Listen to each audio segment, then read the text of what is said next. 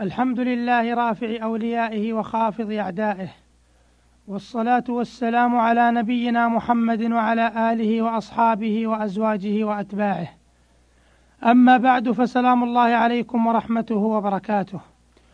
أيها المستمعون الكرام كان الحديث في الحلقة الماضية حول نماذج لأشياء من تركها لله عوضه الله خيرا منها والحديث في هذه الحلقة ذكر لأناس تركوا أشياء لله فعوضهم الله خيرا منها. فهذه امرأة فرعون لما رفضت أبهة الملك وآثرت الإيمان بالله عز وجل على ما يدعو إليه فرعون من الكفر والضلال بنى الله لها بيتا في الجنة ونجاها من فرعون وعمله ونجاها من القوم الظالمين. وهذا مؤمن آل ياسين لما ترك ما عليه قومه من الضلال المبين وقال لهم إني آمنت بربكم فاسمعون قيل ادخل الجنة. قال يا ليت قومي يعلمون بما غفر لي ربي وجعلني من المكرمين. أيها المستمع الكريم وإذا أردت أعظم الأمثلة لهذا المعنى فإليك قصة يوسف عليه السلام. فلقد قص علينا القرآن الكريم ما وقع ليوسف مع امرأة العزيز وما لو اجتمع كله أو بعضه لغيره لربما أجاب الداعي. بل إن من الناس من يذهب بنفسه إلى مواقع الفتن ويسعى لحتفه بظلفه ثم يبوء بعد ذلك بالخسران المبين في الدنيا والآخرة إن لم يتداركه الله برحمته. لقد أخبرنا الله عز وجل عن عشق امرأة العزيز ليوسف عليه السلام وما راودته وكادته به. وأخبر عن الحال التي صار إليها يوسف بصبره وعفته وتقواه مع أن الذي ابتلي به أمر لا يصبر عليه إلا من صبره الله فإن مواقعة الفعل بحسب قوة الداعي وزوال المانع وكان الداعي ها هنا في غاية القوة وذلك من وجوه. أحدها ما ركبه الله سبحانه في طبع الرجل من ميله إلى المرأة كما يميل العطشان إلى الماء والجائع إلى الطعام حتى إن كثيرا من الناس قد يصبر عن الطعام والشراب ولا يصبر عن النساء. وهذا لا يذم إذا صادف حلا الثاني أن يوسف عليه السلام كان شابا وشهوة الشباب وحدته أقوى. الثالث أنه كان عزبا ليس له زوجة ولا سرية تعوضه وتكسر ثورة الشهوة. الرابع أنه كان في الظاهر مملوكا لها في الدار فقد اشتري بثمن بخس دراهم معدودة. والمملوك لا يتصرف في أمر نفسه وليس وازعه كوازع الحر. والمملوك كذلك يدخل ويخرج ويحضر معها ولا ينكر عليه. فكان الأنس سابقا على الطلب وهو من أقوى الدواعي. الخامس أنه كان غريبا وفي بلاد غربة والغريب يتأتى له في بلد غربته من قضاء الوطر ما لا يتأتى له في وطنه وبين أهله ومعارفه. السادس أن المرأة كانت ذات منصب وجمال بحيث إن كل واحد من هذين الأمرين يدعو إلى مواقعتها. السابع أنها غير ممتنعة ولا أبية فإن كثيرا من الناس يزيل رغبته في المرأة إباؤها وامتناعها لما يجد في نفسه من ذل الخضوع والسؤال لها.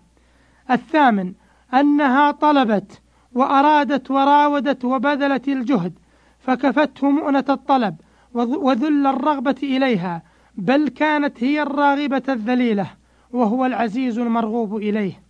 وكثير من الناس يداخله الزهو إذا أشارت إليه المرأة باليد أو بطرف العين. التاسع أنه في دارها وتحت سلطانها وقهرها بحيث يخشى إن لم يطاوعها أن تؤذيه فاجتمع له داعي الرغبة والرهبة. العاشر أنه في مأمن من الفضيحة فلا يخشى أن تنم عليه. هي ولا أحد من جهتها فإنها هي الطالبة الراغبة وقد غلقت الأبواب وغيبت الرقباء. الحادي عشر أنها قد أخذت كامل زينتها وتهيأت غاية ما يمكن وقالت هيت لك وفي قراءة هئت لك. الثاني عشر أنها استعانت عليه بأئمة المكر والاحتيال وهن النسوة التي أردت إياهن حيث شكت حالها إليهن لتستعين بهن عليه فاستعان هو بالله عليهن فقال وإلا تصرف عني كيدهن أصب إليهن وأكن من الجاهلين. الثالث عشر أنها توعدته بالسجن والصغار وهذا نوع إكراه إذ هو تهديد من يغلب على الظن وقوع ما هدد به. فاجتمع داعي الشهوة وداعي السلامة من ضيق السجن والصغار. الرابع عشر أن الزوج لم يظهر من الغيرة والنخوة ما يفرق به بينهما ويبعد كلا منهما عن صاحبه بل غاية ما قابلها به. أن قال ليوسف أعرض عن هذا وللمرأة استغفري لذنبك إنك كنت من الخاطئين.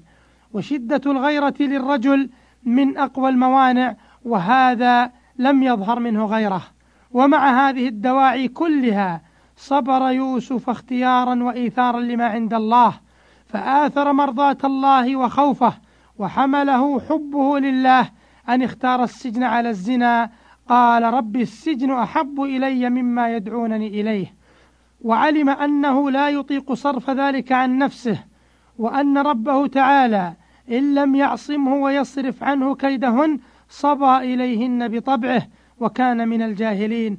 وهذا من كمال معرفته بربه وبنفسه. فماذا كانت العاقبة؟ لقد نال العز والسلطان وحاز الذكر الحسن والثناء الجميل في الدنيا وإن له للجنة في العقبى. وهذا وقد ورد في بعض الآثار أن امرأة العزيز قالت في نهاية الأمر سبحان من جعل الملوك مماليك في ذل المعصية ومن جعل المماليك في عز الطاعة ملوكا. أيها المستمع الكريم ما مضى ذكره من نماذج لأناس تركوا أشياء لله فعوضهم الله خيرا منها يؤيد ما جاء في الأثر أن من ترك لله شيئا عوضه الله خيرا منه فحري بالعاقل اللبيب أن يتبصر بالأمور وأن ينظر في العواقب وأن يؤثر ما عند الله عز وجل فإنه ينال بذلك عز الدنيا والآخرة وسلامة الدين والعرض. نسأل الله بأسمائه الحسنى وصفاته العلى أن يعزنا بطاعته وأن لا يذلنا بمعصيته وأن يمن علينا بالمغفرة والقبول وإلى لقاء آخر إن شاء الله. والسلام عليكم ورحمة الله وبركاته.